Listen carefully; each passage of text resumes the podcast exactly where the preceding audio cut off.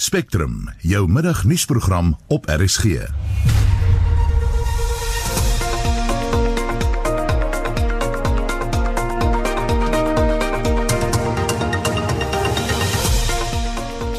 Welkom by Spectrum regstreeks vanaf die Toyota US Woordfees in Stellenbosch. Reis en verblyfkoste vir hierdie uitsending is moontlik gemaak deur die universiteit en die Woordfees.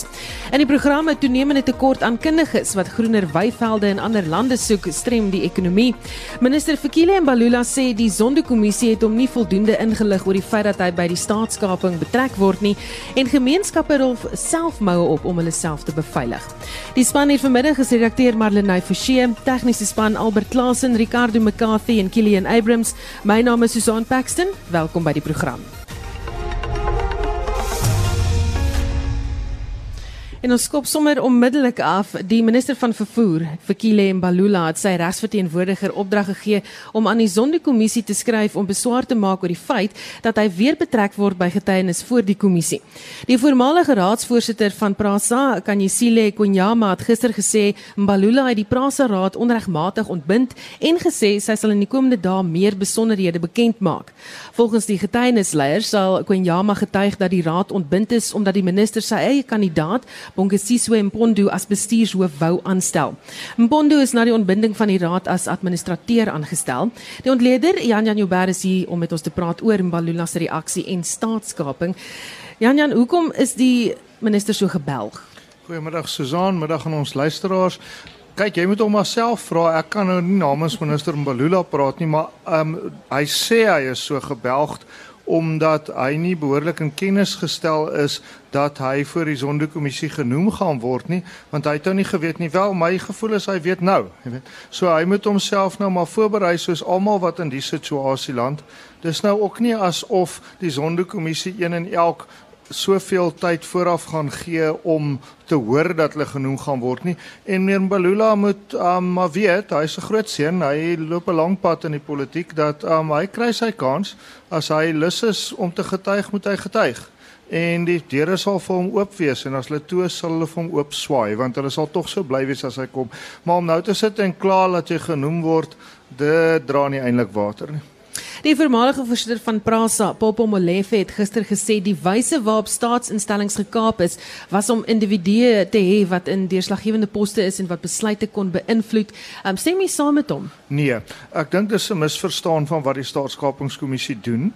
Um die staatskapingskommissie gaan eintlik daaroor dat mense onregmatig baat gevind het um finansiëel en dan um mense in plek geplaas het om vir hulle finansiële voordeel te bekom. Nou kan jy seker op 'n eng definisie sê dat hierdie klaarblyklike kornuit of vriend of meeloper van uh, meneer Mbalula het homself seker bevoordeel, maar dis nie waaroor dit gaan nie. Dit gaan daaroor is minister Mbalula bevoordeel in die proses. En daar is nie uh, op die baie min getuienis wat ons op die oomblik het want hierdie dinge het nou maar vanmôre aan die lig gekom en uiteraard sal dit verder aan die lig kom na mate die getuienis voor die kommissie gelei word, maar op die huidige um inligting wat ons het is daar nie 'n bewering dat minister Mbalula homself verryk het nie. So dit sal miskien die kommissie se um die kommissie se doel dien as hulle 'n bietjie strenger is met die afbakening van wat hulle as staatskaping beskou. Regter Zondo doen wonderlike werk, maar hy is nog steeds 'n mens en geen mens, geen mens kan al Suid-Afrika se politieke intriges en korrupsie en beweringe van korrupsie, oorloë beweringe van oorloë, vredes beweringe van vredes en ons reënvalprobleme en die droogte en alles anderster oplos nie. So hulle moet ergens 'n lyn trek en ek dink hierdie val buite my verstaan van die lyn, maar natuurlik het hang af wat regter Zondo verstaan. Nou die Sondekommissie sit nou al langer as 'n jaar. Opspraakwekkende kwessies het al aan die lig gekom, maar niks het nog gebeur nie. Hoekom is dit so 'n langdradige proses? So, dit gaan 'n bietjie van 'n langdradige antwoord wees. Ek sal hom probeer kort hou. Maar daar's twee dinge wat 'n mens moet verstaan hierso. Die eerste is, wat is die aard en die doel van 'n kommissie van ondersoek? Nou daarmee hulle vir Pierre de Vos bel. Hy is baie goed met die goed, maar in kort, dis nie 'n hof nie. Dit kan nie bevindinge maak oor of mense skuldig is of nie skuldig is nie. Wat dit is, is juis 'n makliker en vinniger manier as 'n hof en dis waar meneer Mbalula so verkeerd is om te sê, "Ag, ek het nie geweet nie en julle moes nog 'n bietjie gewag het, dis nie die punt nie."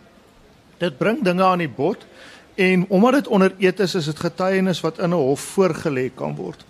Maar regter Zondo kan niemand tronk toe stuur of skuldig bevind of so nie. Hy kan net 'n indruk gee en dit kan dan gebruik word deur die nasionale vervolgingsgesag om daardie mense te vervolg. Dit is 'n bietjie moeilik vir die nasionale vervolgingsgesag want mense sê Shamila Batoy en die nasionale direkteur van openbare vervolgings en haar adjunkte is 'n bietjie stadig. Ons in die Weskaap weet haar nuwe adjunk Rodney de Kok is nie stadig nie. Ons ken vir hom goed. Maar die punt is dat hulle kan nie veel doen voordat regter Zondo nie beginne om 'n verslag um saam te stel nie. So wat dalk 'n baie goeie idee vir regter Zondo sal wees, is om 'n voorlopige verslag saam te stel. Bietjie tyd uit te vat en net so 'n klein bietjie van 'n 'n eerste happie te gee sodat die vervolgingsgesag kan begin optree. Hm. Want dit jy weet is daar dat kan dit dalk wees dat mense begin vertroue verloor in die proses omdat hulle niks sien gebeur nie. Wel as hulle dit doen, jy weet mense doen snaakse goed. Party mense sal byvoorbeeld alle vlugte van Europa af verban net omdat daar koronavirus is. Dit maak geen sin nie.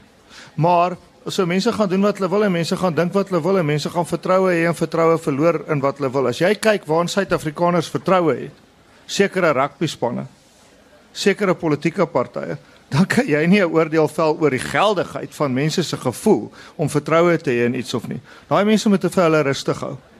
'n politieke ag 'n regsproses is nie 'n politieke proses nie. 'n Regsproses is nie 'n kunstefees nie. 'n Regsproses is 'n stadige proses wat deurtastend tot 'n volhoubare, toetsbare gevolgtrekking moet kom. En daar's 'n ou Franse spreekwoord wat sê as jy skiet na die keiser, moet jy nie misskiet nie. So as jy 'n regsproses bedryf, dan moet jy presies weet hoe jy korrel, waarop jy mik en jy moet sorg dat jy raak skiet. Met daai woorde gaan ek dit daar los. Baie dankie. Dit was die skrywer en ontleder Jan Jan Joubert met daardie wyse raad. Vroeger die jaar was daar berigte dat 'n tekort aan kundiges by Eskom deel is van die instansie se uitdagings om die land van krag te voorsien. Die land ervaar tans fase 4 beurtkrag. Die Institute of Information Technology Professionals South Africa het ook vroeër gewaarsku dat 'n tekort aan kundiges steeds die grootste uitdaging is wat die land se ekonomie strem. Verskeie mense sê hulle gaan soek hulle huil in ander lande weens die politieke onstabiliteit in die land. Leo Kordom en Anke Notnagel het die kwessie ondersoek. Volgens die Volgens die Verenigde Nasies woon 232 miljoen mense vandag in 'n land waarin hulle nie gebore is nie. Ons het met 'n voormalige dosent aan die Universiteit Stellenbosch, Zaan Bester, gepraat. Sy het aan die begin van die jaar na Tsjechië geëmigreer en sê die rede vir haar besluit was nie polities nie, maar weens beter werksgeleenthede. Vir my het dit absoluut gegaan. Ek het vir 20 jaar dieselfde werk gedoen. Ek het 'n bietjie gevoel ek het 'n plafon bereik van waar ek was en ek het net gedink ek het 'n nuwe uitdaging nodig want ek bly so lekker en dit is so 'n ongelooflike omgewing ehm dat ek hierdie nog sou kon doen vir 20 jaar, maar dan gaan ek net in 'n groef beland en ek wil tog nog daarom ook verbeter en groei. So ek het toe gedink wat is ver en wat is nuut en wat is uitdagend en ek het dit gaan opsoek. Volgens 'n opname deur die Boston Consulting Group, the Network in Career Junction, het 57% van die deelnemers aan die opname gesê dat hulle na 'n ander land sal verhuis as hulle beter werksgeleenthede kry. Hierdie getal is egter baie groter onder Suid-Afrikaners. 71% van die jong en werkende gegradueerdes wat deelgeneem het aan die steekproef sê hulle sal trek juis om beter werksgeleenthede te soek. 'n Bester sê intussen sy is nie van plan om terug te keer na Suid-Afrika nie. Op hierdie stadium is ek agter die geleenthede aan. So ek het regtig die geleentheid op die oomblik om reg heerlik te reis. Ek kan vir 'n naweek Budapest toe gaan of Amsterdam. Vir werk is ek verlede maand Engeland toe. Ek sal mis uh, hopelik kan Finland toe gaan volgende week. So op hierdie stadium is die werksgeleenthede die rede hoekom ek gegaan het was vir my my professionele ontwikkeling en dit wil ek nou eers ten volle benut en geniet. En ek dink as ek voel ek het daar 'n plafon bereik, sal ek kyk waarheen ek ek volgende gaan. Dit sal waarskynlik gekoppel wees aan 'n werksgeleentheid en nie noodwendig aan 'n land nie. Soos in Suid-Afrika waar xenofobie teenoor buitelanders 'n voortsleepende kwessie is, ervaar sy ook ook dat die Tsjegge vyhandig is teenoor buitelanders wat daar kom werk. En daar is egter 'n verskil met wat ons sien in Suid-Afrika. Sy sê die vyhandigheid wat hulle ervaar is nie noodwendig weens werksgeleenthede nie. Die kollega van my ehm um, wat ook 'n joernalis is, hy vertel die verhaal dat sy oupa het nooit getrek vanuit die dorpie waar hy gebly het nie. Hy het sy hele lewe in dieselfde dorpie gebly en tog het hy in vyf verskillende lande gewoon. Soos die grense geskuif het van die eerste Tsjechiese Republiek dit en dit was Tsjechoslowakye en daar was soveel skuwe. En ek wonder of dit nie tog 'n impak het op mense jou identiteit. En ek sal dan ook as daar weet jy dis die ene groep mense na die ander, die Duitsers of die Oostenrykers of die die Russe in jou land inkom, of jy nie op 'n manier wil sê, "Bietjie hulle gaan net weg." dat ek net hierso my my bestaan hier voer. So ek het simpatie daarmee en per slot van sake het ek soontoe gegaan so ek moet hulle gevoelens in ag neem dit is nie dit is nie hulle taak om by my aan te pas nie dit is my my taak om by hulle aan te pas en dit te probeer verstaan En dit was voormalige dosent aan die Universiteit Stellenbosch, Zaan Bester, ek is Leo Kordom en ek is Anke Notnagel vir S, vir die SAIK nuus. So 1327 jy luister na Spectrum. Ten spyte van die tekorte aan regeringsbefondsing groei die herwinningssektor jaar op jaar. In 2018 alleen is 352 000 ton plastiek herwin en die invorderingskoers het met 46,3% gestyg. Toe reeds is 58 500 werksgeleenthede geskep. Maar bereik die sektor sy volle potensiaal? En ons praat nou met Anton Hannekom, die bestuurshoof van Plastiek SA en Annabie Pretorius Plastiek 911, sy's onafhanklike konsultant Jolanda. Welkom hier vanmiddag. Um, Anton, kom ons begin met jou. Jy weet kan herwinning 'n groter bydrae lewer tot die ekonomie as wat ons op die oomblik sien? Susan, thank you dankie vir die geleentheid. Ehm um, en ek dink jy het die syfers genoem. Uh, as mens kyk na die statistiek, uh, dan het ons reeds in die laaste 9 jaar uh, met meer as 64% gegroei rondom herwinning. Uh, so mens mens maak 'n afleiding dat herwinning wel 'n uh, impak kan maak en wel 'n bydrae tot die ekonomie gemaak. Ehm um, die 46.3% wat ons herwin, dit is dis 'n collection, uh, dis die die die optel uh, syfer.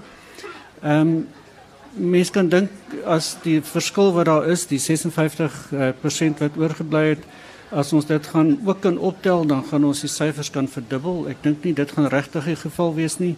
Uh, want daar is paar kapasiteit in dit wat ons doen. Maar verseker kan herwinning 'n bydrae lewer. Ek dink net ons moet ook ehm um, ons praat ook van 'n plastikfobie. Ehm um, almal wil wegbeweeg van plastiek af en um, sonder maar reg na die feite te kyk en dan beweeg ons na alternatiewe materiale toe wat nie noodwendig vir die omgewing die beste is nie en nie noodwendig herwinbaar is nie. So ek dink mense moet baie mooi gaan kyk ehm um, nou dit wat ons doen maar verseker kan herwinninge bydra maak tot die ekonomie uh, en en so syfers wat jy genoem het ons kan meer mense in diens neem. Annelie ek sien jy knik jou kop.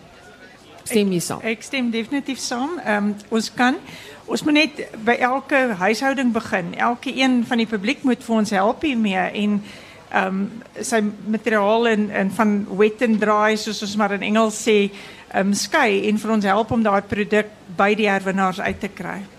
Anton, hoeveel werk kan geskep word deur die sektor? Ek dink dit is baie moeilik om 'n berekening te maak. Um, ons het so in die begin van laas jaar die Suid-Afrikaanse inisiatief geskep om uh, plastiekbesoedeling te stop. En en dit is regtig 'n multi um stakeholder um uh, samewerkende forum wat geskep is. Dit sluit in van die rou materiaal vervaardigers uh regdeur met die die brand owners, die die uh, groothandel, kleinhandel um, en en almal binne die waardeketting. En 'n deel van die goed waarna ons kyk is is juis die skep van infrastruktuur. Uh ons kyk spesifiek ook na ehm um, herwinning binne sekere gemeenskappe sodat jy die die voordeel vir die gemeenskap kan kan gee. Uh, en tipies sal jy uh, swart bemagtigingsmaatskappye uh, skep wat wat nie net die waardevolle plastiek moet inbring nie, maar dit totaal moet terugbring. So ons maak die omgewing skoon. Uh, so daar's meer mense wat daarbey betrokke gaan raak. Daar's mense wat betrokke raak by die opvoeding en en um, awareness skep van van dit wat gedoen moet word.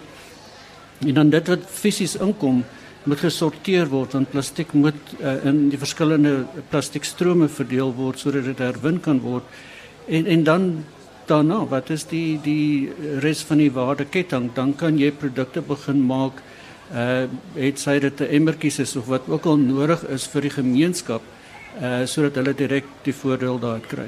So dit is moeilik vir ons om syfers te gee, maar maar jy gaan verseker meer mense in diens kan neem en en as jy by een gemeenskap dit suksesvol kan implementeer, dan kan mense dit reg hierdie land ehm um, implementeer en en na mekaar koppel ook. Annabie, hoe moeilik is dit om 'n herwinningsprojek op die been te bring?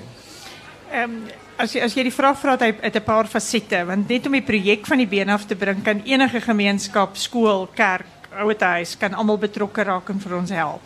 Dan het jy uh, die die betrokkenheid nodig van wat ons noem 'n waste management company, iemand wat dan daai plastiek vat en die karton en witpapier en dit dan skei in die verskillende groepe en dan moet dit gekompakteer word en na in die na die plastiek herwinnaar toe gaan.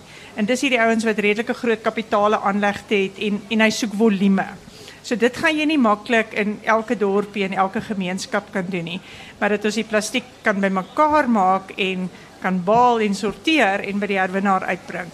Um en dis regtig wat ons nodig het. Ons het daai tentakels nodig om die hele land um te bereik om om ons goed in die hande te kry.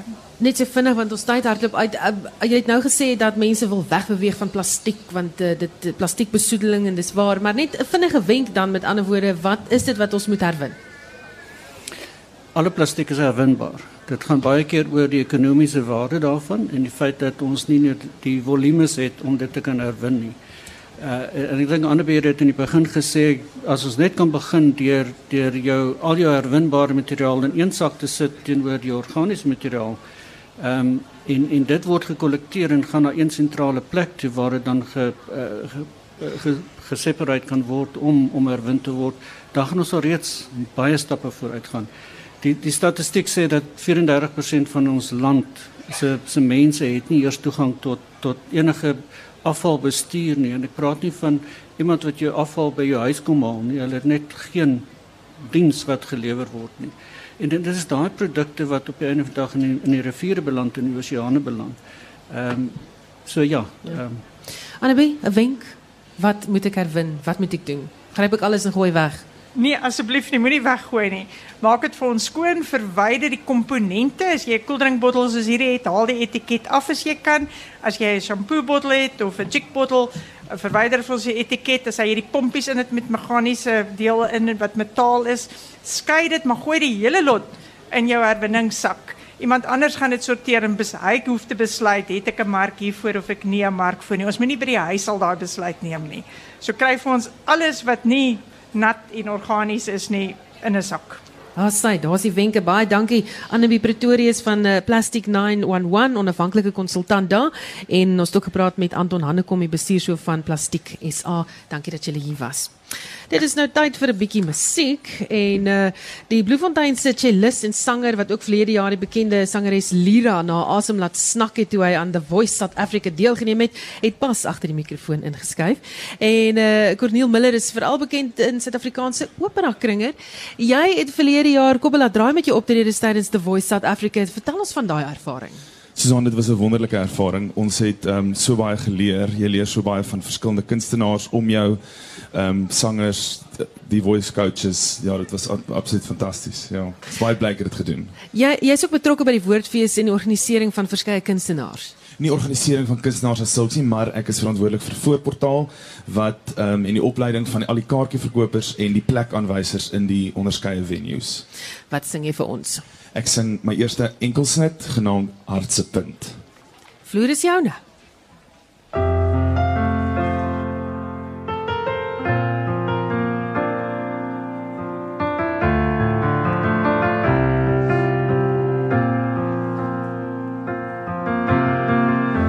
Kom sit hier langs my. Vertel my waar aan jy dink. Ek wil jou skuil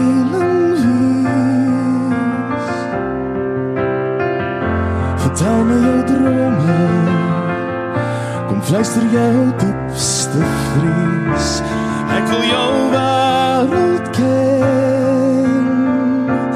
Jy is die rots waarop my huis gebou is Veilig teen die wind En die ritme waar ek kan vind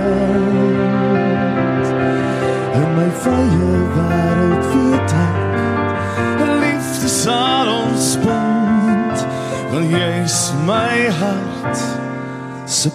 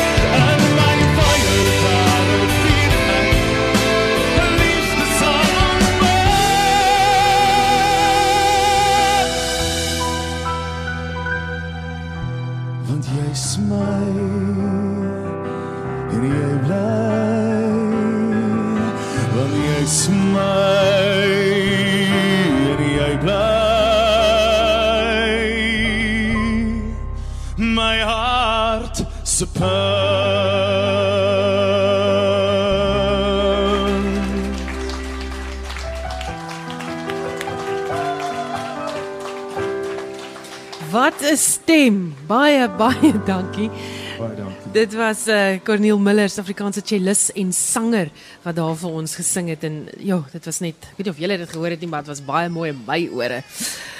Nou ja, ons maak nou draai op die sportveld. Die begin van die eerste eendag wedstryd tussen Suid-Afrika en Indië in uh Dharamsala as weens reënvertraag. Ons praat nou hieroor en oor ander sportgebeure van die dag met oud monitor en Spectrum kollega Renet Cronje.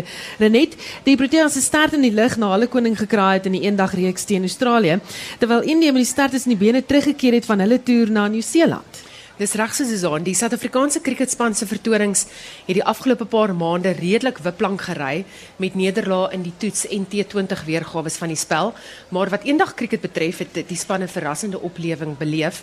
Die terugkeer van Faf du Plessis natuurlik sal die Suid-Afrikaanse span se selfvertroue beslis 'n hupstoot gee in die reeks teen Indië. Uh die eendagreeks bestaan uit 3 wedstryde met die tweede ene wat Sondag gespeel word. Die buiteveld was heel oggend nat en toe ek 'n rukkie gelede gekyk het, het spel nog nie begin nie. Nou ander cricketnuus is dat Engeland die lood gewen het en besluit het om eers te kolf in 'n opwarmingswedstryd teen 'n Sri Lankaanse elftal in Colombo. Dis reg so ja. Engeland was vroeër bykans op 340 lopies vir die verlies van 3 paaltjies in hulle opwarmwedstryd. Die Engelse span het natuurlik besluit om weens vrese vir die koronavirus nie met hulle Sri Lankaanse ewe knee blad te skud nie. So much as hulle sê vir die gentlemen's game wat cricket is en dan ook om geen handtekeninge uit te deel of selfies saam met ondersteuners te neem tydens hulle toer nie. En die eerste toets in die reeks van 2 begin oor 'n week. Wat Super Rugby betref, die Lions het 'n paar veranderinge gemaak aan hulle beginspan vir Saterdag se kragmeting teen die Blues in Auckland. In die agterlyn is 'n paar posisionele skuwe aan die orde met Tyrone Green wat op vleuel plek maak vir Kortnal Skusan wat na heel agter skuif, want die Silise Melani is op die kantlyn weens 'n besering en hy maak op buitesenter plek vir Manuel Ras. Wat dan die voorspelers betref, daar's 'n nuwe lostrio wat op die veld draf. Dis Hakshiva Diamani op agste man en Roan Vermaak op flank. Hulle uh, neem die plekke in van Len Massyn en Willem Alberts. 'n uh, Laasgenoemde skuif na slot met Ruben Skooman se kop wat rol en Frans van Wyk is dan die nuwe vaskop stit ten koste van Carlo Sadi. En die Sharks se span vir Saterdag se plaaslike stryd teen die Stormers in Durban is ook onveranderd. Dis reg so dieselfde 23-tal wat die Jaguares verlede week op Kings Park geklop het, is gekies vir Saterdag se wedstryd teen die Kaapse besoekers. Die Sharks het die Stormers die afgelope naweek verbygesteek as die algehele voorlopers in die kompetisie, maar die Kaapenaars het 'n loslootjie gehad en hulle sal oorgehaal wees om die naweek weer die voortou in die kompetisie te neem. Baie dankie, dit was die vryskut joernalis Renet Cronje. Onlangs was daar 'n opskudding onder die inwoners van Klein Baai net diskant Gansbaai in die Wes-Kaap oor die haie wat deur vissermanne voor toeriste uitgevang word. Die gemeenskap is grootliks afhanklik van die toerisme wat die haie na die dorpie lok en die gemeenskap vrees dat as hulle die haie uitvang, gaan duisende mense honger ly. Zeleide Kok en Kari Roots van Marine Dynamics is hier om oor die jongste verwikkelinge te praat. Julle het 'n petisie opgestel waarin julle vra dat die departement van omgewingsake die gebied om daai eiland en sogenaamde Shark Alley uitsonder as 'n spesiale bewaarja sodat die haie nie daar gevang kan word nie. Hoekom die petisie Kari? Hoi Susan, baie dankie vir die opportunity, ekskuus tog. Geleentheid, ja. Geleentheid. Geleentheid, dit is sommer van die begin af. Om ehm um, vandag hieroor te met julle te kan praat. Ehm um, die haie waarna jy verwys is nou nie ons groot wit haie waarvoor almal gaans baie ken nie, maar hierdie haie word koperhaie genoem. En snaaks genoeg het hierdie haie nog nie regtig voor 2013 veel tyd in Gansbaai spandeer nie. So dit was baie ongewoon om hulle rondom die haaidykbote te sien. Nou min mense weet dat koperhaie kan nog steeds kommersieel gevang word deur vissermanne. Maar soos ek genoem het in 2013 is dit die eerste keer wat ons regtig hulle gesien het rondom ons haaidykbote. So tradisioneel het vissermanne hulle nie regtig in die area waar ons met toeriste werk gevang nie. Dit is eers na 2017 toe die moordwalvisse groot verhaaie, groot wit haie begin vang het en hierdie haie besluit het om um, van bietjie weg te kruip en te vlug dat die koperhaie hulle plek half ingevat het in ons ekosisteem. Hulle het ook baie meer tyd rondom ons haai haai hoeke begin baie tyd begin spandeer daar. Ons as 'n industrie moes dus baie vinnig aangepas het om meer as net een haai spesies in Gansbaai te bemark aan ons toeriste en dit het baie goed gewerk. Die toeriste wat vir ons kom kuier is mal oor die koperhaie. Hulle het verseker die kolle gesteel. Ons sukkel tans um, met baie mis en baie min vis in die see en die vissermanne kry geweldig swaar. Hulle is ook deur onder baie druk met die groot kommersiële visserskepe wat massas en massas vis vang. So die afgelope paar jaar het ons onderhandel onderhandel met die plaaslike vissermanne om nie die haie te vang direk waar ons met toerisme werk nie. Dit het baie goed gewerk, maar dis nou vissermanne vanuit ons dorp, buite die dorp wat nou begin moeilikheid maak deur hulle visserbote tot by die haaidijk bote te bring en hierdie haie te vang vir die toerisme. Wat jy kan net dink hoe omgekrap hulle moet voel daaroor. Ag ja, dan in hierdie geval, het julle dit met die departement bespreek, het hulle al terugvoer vir julle gegee? Dis juist daarom wat ons die afgelope 3 jaar nou al met die departement probeer kommunikeer hieroor, maar ons kry nie terugvoer nie. En deur hierdie petisie op te stel, het was dit ons desperate manier om dit in die publiek voor te stel, sodat hierdie um issue half in die op 'n publieke um platform bespreek kan word en meer mense hiervan kan leer. Sover het ons al terugvoer gekry. Um daar was 'n 'n vergadering gehou met die toeroperateurs um en die departement en gister was daar 'n vergadering gehou met die departement en die vissermanne.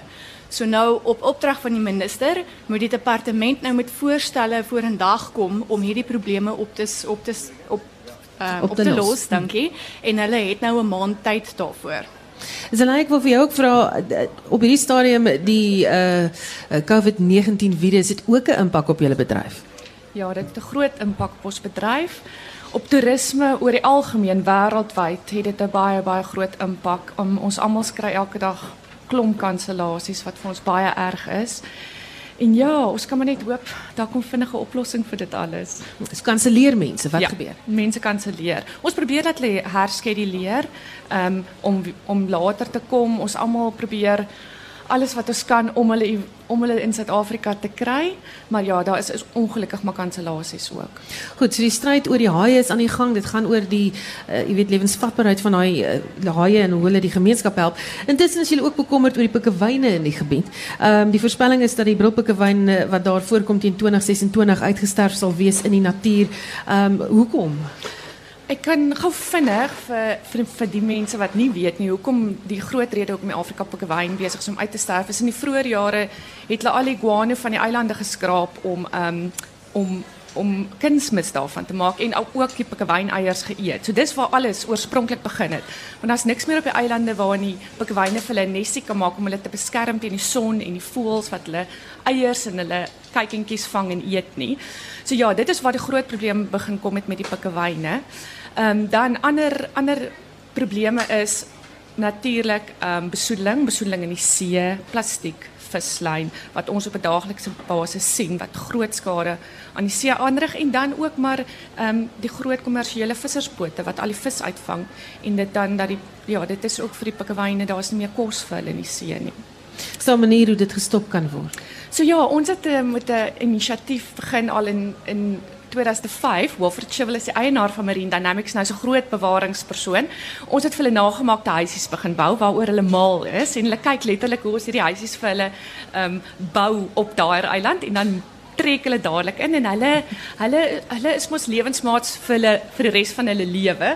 So dan bly hulle saam daar. So dit is 'n inisiatief waarmee ons begin het. Ons het die daar die daar eiland bewaringstrust wat ons in 2006 geregistreer het en ons het ook 'n 'n 'n 'n sanctuary, African Penguin and Seabird Sanctuary vir hulle oopgemaak in 2015 in Kleinbaai. Dis gratis vir enige iemand om te kom besoek. So kom kuier by ons as jy daar is. Jy kan sien wat ons doen. Daar's 'n koffiewinkel en hier hier ehm um, maak ons pikkewyne skoon. Ons maak hulle weer vet. Ons kyk mooi na hulle en dan laat ons hulle weer vry by Kleinbaai om terug te swem daai eiland toe. Baie dankie. Dit was Leide Kok en Kari Roots met daardie uitnodiging om te gaan kyk na die pikkewyne. Uh, hulle is van Marine Dynamics in Kleinbaai. Baie dankie dat jy so ver gery het om hier te wees vandag. Nou uh, nie net vir die inwoners van Kleinbaai stryd om oorlewing oor die haie nie, maar is hulle ook van die gemeenskappe wat gebuk gaan onder perlemoenstropery. Einde verlede jaar het Monitor en Spectrum breedvoerig berig oor die probleem. Gemeenskappe bly raad op oor die plunder van oseane en omdat hulle boonop ook geboelie word deur die bendes betrokke by die stropery. Dit het so erg gegaan dat mense nie eens op die strand kon beweeg sonder dat hulle deur stroopers geïntimideer is nie. Kort voor die einde van die jaar het die owerheid 'n operasie geloods en vir 'n ruk het die stropery effe bedaar. En vir die jongste oor die probleem praat ons met Dani Keet van die organisasie Community Against Abalone Poaching Kaap en met Pierre De Villiers, hy's 'n senior bestuurder vir marine en kusgebiede Cape Nature. Welkom hier. Hallo, so dankie. Het die operasie 'n verskil gemaak? Baie beslis. Um, ek dink dit is lekker om te kan sê vandag 'n jaar na die tyd um, dat die stroper het het nie tot die einde gekom nie, maar dit het drasties afgeneem. Um, sedert September verlede jaar toe die operasie regtig in sterkte begin het en al die verskillende wetstoepassingsowerhede bymekaar gekom het om die probleem aan te spreek het hulle baie 'n wesenlike impak gemaak. Jy weet daar's ek dink daar's meer as 10 voertuie afgevat, daar's 10 bote afgevat en dit is almal ouens wat op een slag hulle duikers afgelaai het in die see om te gaan te gaan perdemoenstroop. So dit het baie beslis 'n baie goeie uit invloed gehad. Periksen, jy knik op jou kop want jy was heel moontlik betrokke by dit. Ja, um, inderdaad. Ehm um, ek dink wat baie belangrik is wat Dani daar gesê het is al die eenhede werk nou saam. Ehm um, en dit is wat ek voel ons moet in Suid-Afrika uh, 'n tipiese kultuur ehm um, laat laat gebeur. Maar dat een een kyk net op hulle kan nie die permoon stopery stop nie. So ons moet met die polisie, met die weermag met almal saamwerk en ons moet mekaar leer ken en ons het so dit's goeie resultate en dit moet aanhou gaan. Die gemeenskappe het gekla en gesê luister, ons kan nie eens op die strande loop nie. Kan hulle nou weer daar loop? Is die operasie suksesvol? Ek dink so wat wat ook gebeur het in die tussentyd dat die modus operandi deel wat verander en ek besel daarmee saamstem. Ehm um, waar ons in die verlede gesien het hulle 50, 100, 150 duikers op 'n slag langs die strand wat jy uiteraard nie kan tussenin gaan nie. Het hulle duik hulle meestal in die nag. So die dag is dit is dit stiller. Ehm um, dit gebeur nog so van tyd tot tyd. Maar ek dink uh, oor die algemeen gesien is dit is dit is dit regtig baie beter vir die mense om die seek, om die kusgebied te besoek. Weer is die stropery minder of het dit geskuif na 'n ander gebied? Ehm um, Dit's minder, maar baie het geskuif na Oos-Kaap en die Weskus. Ehm um, so die hoeveelhede wat daar duik is minder as wat oorspronklik in die Oeverberg geduik het, maar dit het, het geskuif, ja. So on, ons ons moet beplan nou om operasies in daai areas in te sit om die probleem op te los in sy geheel. As die stropery toegelaat word om ongehinderd voort te gaan, kan ons sien dat uh, die misdaad oorspoel na ander vlakke van die samelewing in die res van die land. Ek dink ek Pier kan ook inkom- inkom daar maar ek dink dit ehm um, die teenwoordigheid van die Wes-toepassingsowerhede in die gebied het ook 'n oorspoel effek gehad na gewone misdaad toe. Ek dink dat dit met soveel in Gansbaai met tot 40% afgeneem vandat die mense in die in die omgewing is. So daar is 'n wesenlike invloed op die op die ehm um, die veiligheidssituasie in die in die omgewing met die Wes-toepassingsowerhede daar. Ja, dit dit help, maar wat ook gebeur het is ehm um, die die misdaad het geskuif na goed soos ehm um, skilpaaie en bokkies en daai tipe goed so van die bewaringskant, natiewe bewaringskant het ons opgetel dat daar's ander goed nou wat die teiken is in die, miskien in die tussentyd, ek weet nie, maar daar's altyd 'n reaksie vir hierdie uh, ons intervention so maar moet ander planne maak daar. Is polisieering die enigste manier om stropery stop te sit? Nee, ek ek dink nie so nie. Die die polisieering hou die lewendige perlemoen in die water en dis is krities want hulle kan teel en daar's daar's eintlik 'n resource wat ons kan gebruik in die toekoms. Maar wat ons moet doen in Cape Nature en meeste van die ander staatsdepartemente fokus nou spesifiek in die Weskaap om um, ander lewens wat uh, livelihoods uh, te skep vir hierdie mense um, om hulle deur skole te vat, ehm um, perlemoenplase te skep, daai tipe goed net dat die jong mense wat groot word nou groot word met 'n idee wat reg is en nie net stropery want op die oomblik is dit al wat hulle kan doen. Dan is dit vinnig van jou af, is dit die enigste manier polisieering? Ons ons stem saam mee, maar jy moet die gemeenskap oplei. Jy weet die hele kwessie van bestaansvissers en veral in die Oeverberg gebied wat wat gebuk gaan onder ekonomiese druk. Hulle moet ander hulle moet alternatiewe kry om hulle self aan die gang te hou. So met die programme wat die provinsie beplan, dink ek um, sal mense daarby uitkom. Dit gaan 'n rukkie vat. Ehm um, maar die stropery op grondvlak moet nog steeds gestop word en daarvoor het jy volhoubare polisieering nodig. Jy het mense daar Ja. nodig 24 uur van die dag en jy het ehm um, dit nodig elke dag van die maand. En Dit, dit gaan nie ophou as as jy sodra die polisieering onttrek dan gebeur dit weer van voor af. So dit is belangrik om dit te doen. Want mense moet onthou dis deel van georganiseerde misdaad. Dit is lankal nie meer um, net om die kos op die tafel te sit nie. Dit gaan oor oor misdaad en mense moet kyk dan na na daai aspek van dit ook. En as mens dit gestop kan kry, dink ek sal jy baie goeie vordering kan maak. Goed, baie dankie. Dit was Dani Keet van die organisasie Community Against Abalone Poaching Kaap en Pierre de Villiers, uh, hy's die senior bestuurder van Marine en Kus by Cape Nature wat kom gesels het. En met die vraag, jy weet, uh, is polisieering die enigste manier om stropery te stop te sit? Kan ons daai vraag ook uh, deurstrek na ons volgende spreker toe, die Stim Vlek woordvoerder van die privaat wapen eienaarsvereniging Gossa, asook 'n gemeenskapspolisieringslid wat uh, nou hier aansluit. Ehm um, wat is jou ervaring van die permoenstropery tendens hier? In in my private my private sort of um, experience with it uh, in in this area is on, ons kry baie voertuie wat deur ry van van van daai kant van die wêreld van Gansbaai van um, Betty's Bay daai kant kom oor deur van van uh, Franshoek se kant af. Ehm um, daar's baie keer wat wat hulle sê daar's 'n voertuig in die omgewing wat wat permen smokkel. Ehm um, so ons ons sien dit nogals baie. Um, it's it's actually on the in- uh, it's on the decrease at the moment, which is a very good sign. And I'm glad to see that uh, the the guys across the table have, have been do- putting some good work into it. So it is baie goed om te sien. Hm. Jy is ook betrokke by ander gemeenskapsveiligheidsprojekte. Wat is die grootste misdaadtendense op hierdie stadium? Uh in my omgewing uh ek ek werk saam met die Stellenbosch GPF. Um in my omgewing die grootste probleme wat ons sien is daar's baie uh mes uh mesvoorvalle waar waar mense word gesteek um and it it often happens uh on the weekends over as die mense clubs toe gaan en hulle drink 'n bietjie te veel. Um dit dit dis dis baie wat ons sien. Um ander misdade soos huisbraak, 'n uh, paar aan uh, plaasaanvalle, daai tipe goeders in in die omgewing. Um it's it doesn't seem to to get be getting any worse, but it's also not getting any less. It, it, it just keeps on carrying on the way it's been been going on for the last uh, couple of months. Maar um in Stellenbosch self is daar die Stellenbosch uh, the Stellenbosch Security Alliance. Um en dis dis uh samewerking met uh, wetstoepassing met SAPS met um buurtwagte met sekuriteitsmaatskappye wat wat uh, saamwerk uh, om om misdaad te keer in in in die omgewing and and that's had a that's had a really really good uh, impact on um on the crime in the area. Nou, ek wou nou vir gevra het, mense hoor nie regtig van plaasaanvalle hier nie. Dit is uh, baie meer die voorkoms daarvan is meer, weet, in die binneland. Wat doen julle om die gemeenskap veilig te hou in daai opsig? Ons hoor nie baie daarvan nie, maar ehm um, meeste in meeste van die tye in in die omgewing daar is dis dit is opportunistiese uh, misdaad. Ehm um, die plaas is die die plaaseienaars is alleen by die huis. Dis uh daar die buurman is baie ver van mekaar af. So uh, the, the guys like to see it as an open opportunity. If there's a farm there, there's there's money and there's daar daar's miskien 'n vuurwapen in die in die kluis en hulle gebruik daai geleentheid om om in te breek. Ehm uh, en dit word baie stil gehou. Hmm. Net so laastens vinnige vraag, uh moet mense meer betrokke raak by hulle eie veiligheid in 'n gemeenskap? Absolutely. Uh, people need to start standing up for themselves. They, they need to start uh, looking out for the security of themselves and their neighbors. If you see something, say something and do something about it. You're responsible for your own security. En neem deel aan projekte. Yes, ja. Uh, word betrokke by die buurtwag, word betrokke by die GBF, uh, werk saam met die SAPS um, en en jy sal sien goed sal baie beter uh, beter gaan. Baie dankie, dit was Tim Vlek, gemeenskapsmobiliseringslid en woordvoerder van Gossa. Ons groet namens ons uitvoerende regisseur Wessel Pretorius, redakteur Marlenae Forsie, ons tegniese span Albert Klaasen, Ricardo McCarthy en Kilian Abrams. Ons span by die fees is Ina Strydom, Winsome Mofokeng en studente hier aan die universiteit, as ook 11 September in sy span van die US Museum. Reise verblyfkoste word moontlik gemaak deur die Universiteit Stellenbosch en die Woordfees sonder dat enige redaksionele besluite beïnvloed word. My naam is Susan Paxton. Geniet jou middag.